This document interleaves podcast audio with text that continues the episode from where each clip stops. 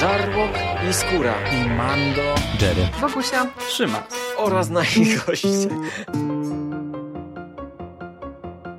Konglomerat podcastowy. Wasze ulubione podcasty w jednym miejscu. Zapraszamy. Zapraszamy. Zapraszamy. zapraszamy. Zapraszamy.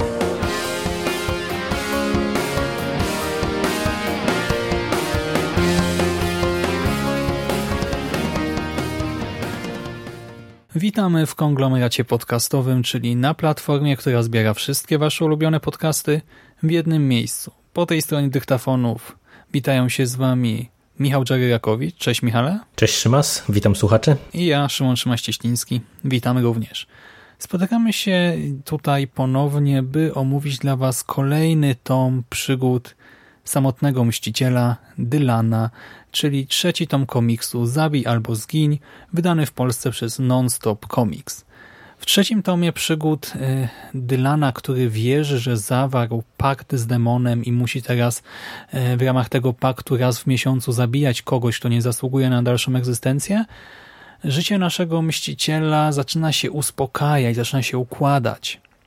Chłopak przyjmuje leki, nadgania zaległości na studiach, jest doktorantem przecież, nie zapominajmy, spotyka się z Kirą, z którą ostatnio mu się przecież nie układało i co najważniejsze chyba w tym wszystkim, nie widuje demona. Przez ponad miesiąc nie zobaczył tej mitycznej istoty, a nie popełnił nowej zbrodni, w związku z czym wydaje się, że jego życie już tak zupełnie się ustabilizowało. E, niestety rosyjska mafia nie odpuszcza i krok po kroku zbliża się do naszego chłopaka. A gdy jeden typ spod ciemnej gwiazdy zacznie o niego wypytywać i to w klubie, gdzie pracuje Kira, wówczas chłopak znowu zabije, a sytuacja mocno się skomplikuje. No i właśnie, cały ten tom skupia się na wątku po pierwsze tego zaginięcia demona gdzieś w tym świecie przedstawionym. Znaczy chłopak naprawdę już go nie widuje, przynajmniej nie w rzeczywistości, a jedynie na kartach, e, tych, na tych rysunkach swojego ojca. A ponadto mamy dość rozbudowaną konfrontację między Dylanem a rosyjską mafią i ten wątek zostaje e, no, w jakiś tam sposób mm, domknięty tutaj. Znaczy, okej, okay, on będzie miał pewnie swoje reperkusje w przyszłości, ale e, tutaj jest doprowadzony do takiego krytycznego momentu i ten wątek jest no, w pewien sposób domknięty. No jak Ci się to podobało, takie taka trochę zmiana, nie? E, wiesz co, w pierwszej chwili miałem pewne wątpliwości co do kierunku, w jakim my tutaj poszliśmy, ale całościowo wydaje mi się, że raz wyszło to całości na dobre, to po pierwsze. Po drugie, wydaje mi się, że ten tom pokazuje, że Chyba Brubaker musi mieć rozpisaną tę historię całościowo od początku do końca i tak naprawdę tutaj nie ma miejsca na e, jakąś taką radosną twórczość, gdzie mnie scenariusz poniesie, tylko e, widać, że te poszczególne tomy zawsze idą w konkretnym kierunku i dochodzimy do pewnego punktu kulminacyjnego i tak, całościowo ten tom y, jest kolejnym dobrym albumem z serii Zabi albo Zgiń. Y, w zasadzie tutaj obydwa te wątki, czyli i ten wątek y, morderstw, tego, że mamy do czynienia z tym mścicielem jest dobrze poprowadzony, bo w sumie tutaj ten wątek rosyjskiej mafii początkowo wydaje się ograny, ale całościowo e, wydaje mi się, że udało się Brubakerowi coś ciekawego z niego wycisnąć, a e, ten wątek demona, co do którego ja obawy w, w zasadzie co e, podcast, tak jak rozmawiamy, trochę artykułuję, no bo ja wiesz, od samego początku, tak jak to jest pisane, to y, mam pewne wątpliwości, czy w kolejnym tomie y, tutaj scenarzysta się na tym nie wyłoży, y, ale no póki co mamy trzeci tom i w sumie całkiem nieźle twórcy sobie pogrywają z tym wątkiem demona i cały czas udaje się im zmyślnie nas, czytelników, wodzić się za nos, także dla mnie spoko. Mhm. Ja ci powiem, że tak jak wcześniej byłem raczej optymistycznie nastawiony do lektury, tak teraz do tego tomu podchodziłem z takim sceptycyzmem, bo wiedziałem, że Bogusi się on za bardzo nie spodobał. Stwierdziła, że jednak wypada słabiej na tle poprzednich y, dwóch, ale ostatecznie ja też jestem zadowolony, bo e, ta jak gdyby e, struktura narracyjna jest współzależna, jest, od, znaczy jest odbiciem tego, co czytamy w komiksie, jest odbiciem trochę sytuacji bohatera, bo rzeczywiście ten tom, e, chociaż nadal ma niechronologiczną, taką trochę porwaną, poprzecinaną mm, takimi łamiącymi czwartą ścianę e, monologami wewnętrznymi bohatera narrację, no to ta pomimo tej niechronologicznej, trochę porwanej narracji, całość jest strasznie spójna. Ten trzeci tom jest chyba najbardziej spójny ze wszystkich tych trzech i do tego tutaj już e, czuć e, pewną zmianę, to znaczy Dylan e, stał się takim mścicielem już profesjonalnym w pewnym sensie. Znaczy, to nadal jest chłopak, który się uczy trochę tego, co robi, który też się uczy na swoich błędach. Cały ten wątek przecież rosyjskiej mafii to jest element jakiegoś tam potknięcia, tak, niedopatrzenia ale jednak widać tutaj, że e, Dylan jest konsekwentny i coraz bardziej skuteczny. On wykazuje pewnego rodzaju metodyczność, e, te jego kompetencje jako zabójcy wzrastają i to mi się strasznie podoba, że ta postać autentycznie rozwija się na kartach komiksu. Z każdym zeszytem e, robi to, co czyni coraz lepiej. I tak jak to jest fascynujące, tak samo trochę przerażające oczywiście, a w kontekście jeszcze tego demona bardzo mi się podobało e, to, że mm, Brubaker nie poprzestał na rozpisaniu samej konfrontacji z rosyjską mafią, ale też rozwija wątek główny, rozwija wątek biografii Dylana. Pojawiają się nowe fakty z przeszłości chłopaka, z przeszłości jego krewnych, jakieś sekrety, które e, tak naprawdę generują w gruncie rzeczy chyba więcej pytań niż odpowiedzi, ale przede wszystkim zagęszczają atmosferę opowieści. Nadal nie wiemy wielu rzeczy, ale chcemy właśnie poznać ten kolejny zaszczyt, i kolejny, i kolejny i się siedzi nad tym komiksem naprawdę w napięciu Cały czas nie wiemy, czy to pójdzie w kierunku tej choroby psychicznej, czy czegoś nadprzyrodzonego, ale całość jest ciekawa. Y, nie wiem, czy to nie będzie przekombinowane, bo y, mm, ten, y, ten ran ma się zakończyć czwartym tomem, podobno.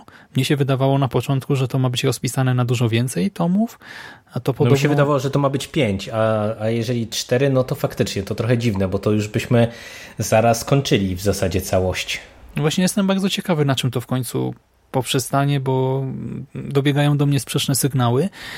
Jeżeli to się zakończy na czwartym, czy nawet na piątym tomie, no to jestem strasznie ciekaw, do czego doprowadzi nas ten wątek demoniczny i też jak skończy Dylan tak ostatecznie i jakie będzie przesłanie tego komiksu, bo to też jest ciekawe, nie? że on na razie e, no, pokazuje nam no, zwola w takim e, w miarę pozytywnym świetle, bo Dylan, no tak jak mówiliśmy w tym pierwszym podcaście, on jest trochę takim Dexterem, chociaż ukazywanym w inny sposób, bo on nie jest socjopatą. E, on, tak jak teraz przed chwilą wspomniałem, staje się coraz bardziej tym myślicielem z prawdziwego zdarzenia, bo początkowo był e, strasznie fajtłapowaty w tym, co robił. No i to jest fascynująca opowieść jako coś takiego i w dodatku cały czas jest realistyczna, nie? To wszystko by się mogło w miarę w ten sposób rozegrać. Tutaj nie mamy znaczy, okej, okay, no. Mm, troszkę sobie to wyobrażam też w, w formie jakiegoś kina akcji, ale część sekwencji jest taka właśnie jak jak myślimy o różnych e, wątkach z kina akcji i przekładamy je na rzeczywistość, tak? Ocieramy je, odzieramy je z całej widowiskowości, jakichś tam wybuchów, e, epickich strzelań 1 na 20 i to, co nam zostaje, mamy w tym komiksie w dużej mierze i to mi się strasznie podoba. E, no, ja się w sumie zgadzam ze wszystkim, co powiedziałeś. To, co mnie jakby zastanawia w kontekście tego, że tak rychły by miał być to koniec całej opowieści, to jest to, że no, trochę te o moje obawy e, o wątek demoniczny no nie wiem, czy nie będą uzasadnione, no bo y, jednak tutaj tego czasu zostało mało tak naprawdę, żeby y, całą tę opowieść y, nam zakończyć i jestem bardzo ciekaw, jak Brubaker chce to rozpisać.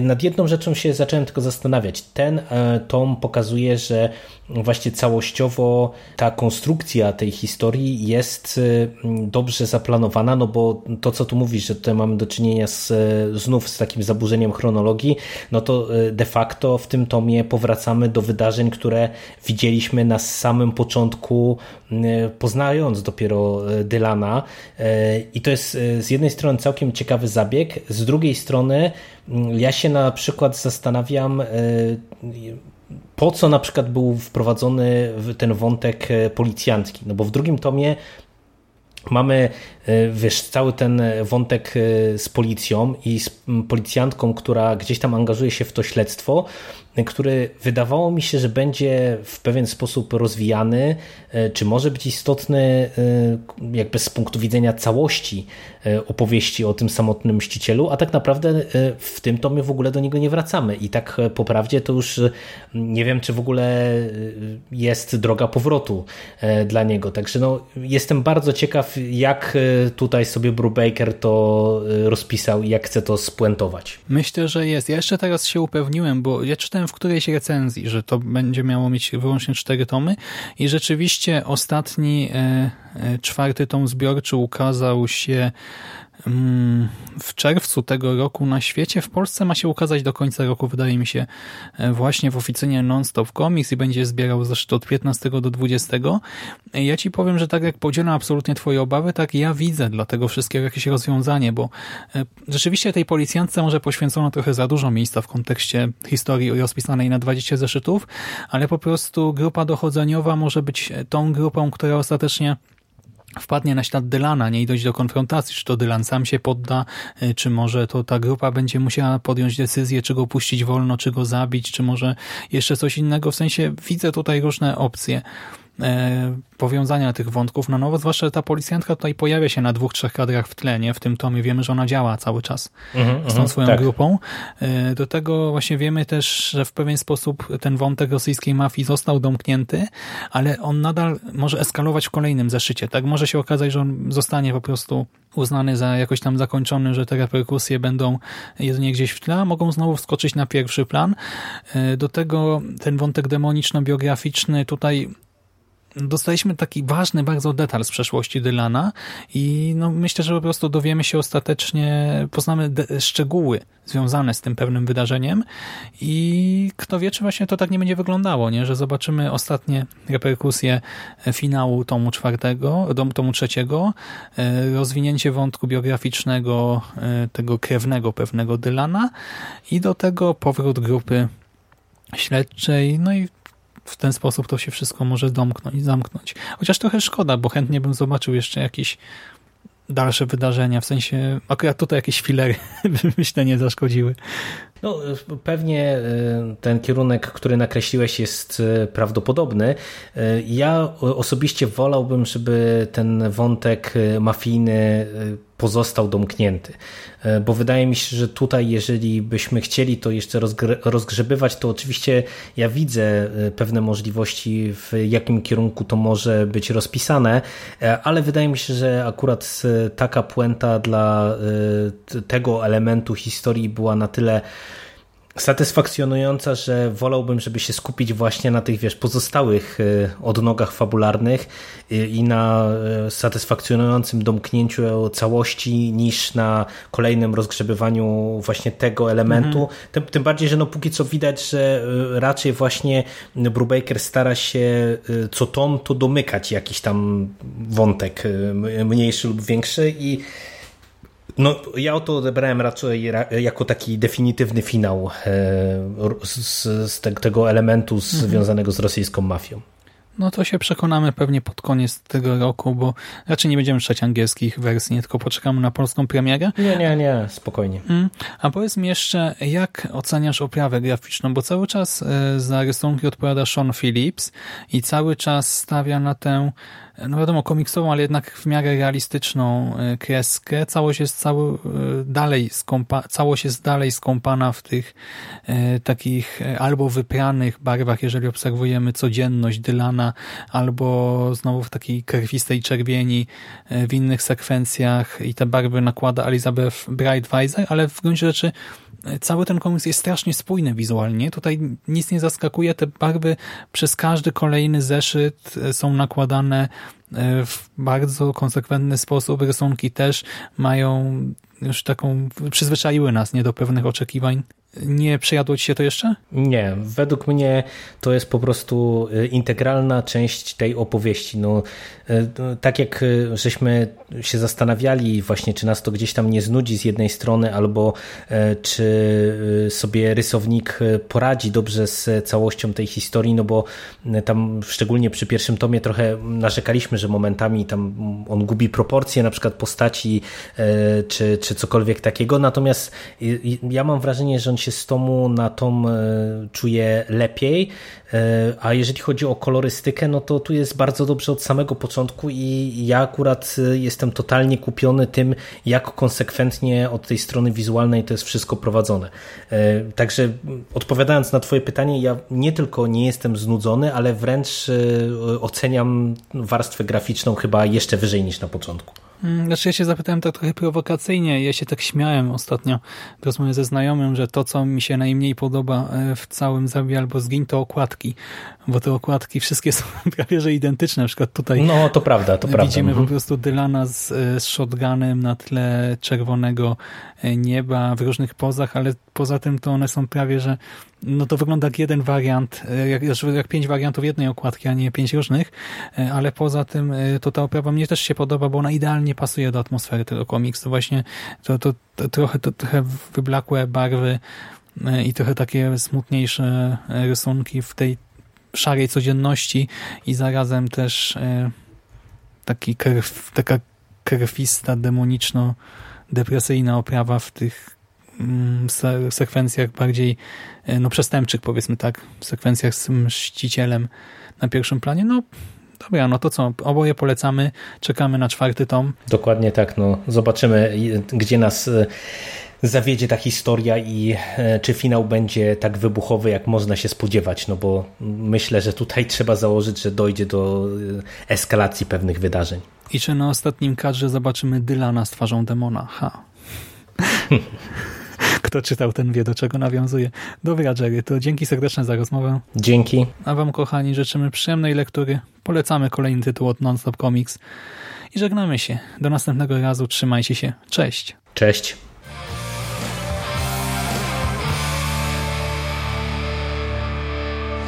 Finished? That's it, man. Game over, man. It's game over. What the fuck are we gonna do now? What are we gonna do? It's over.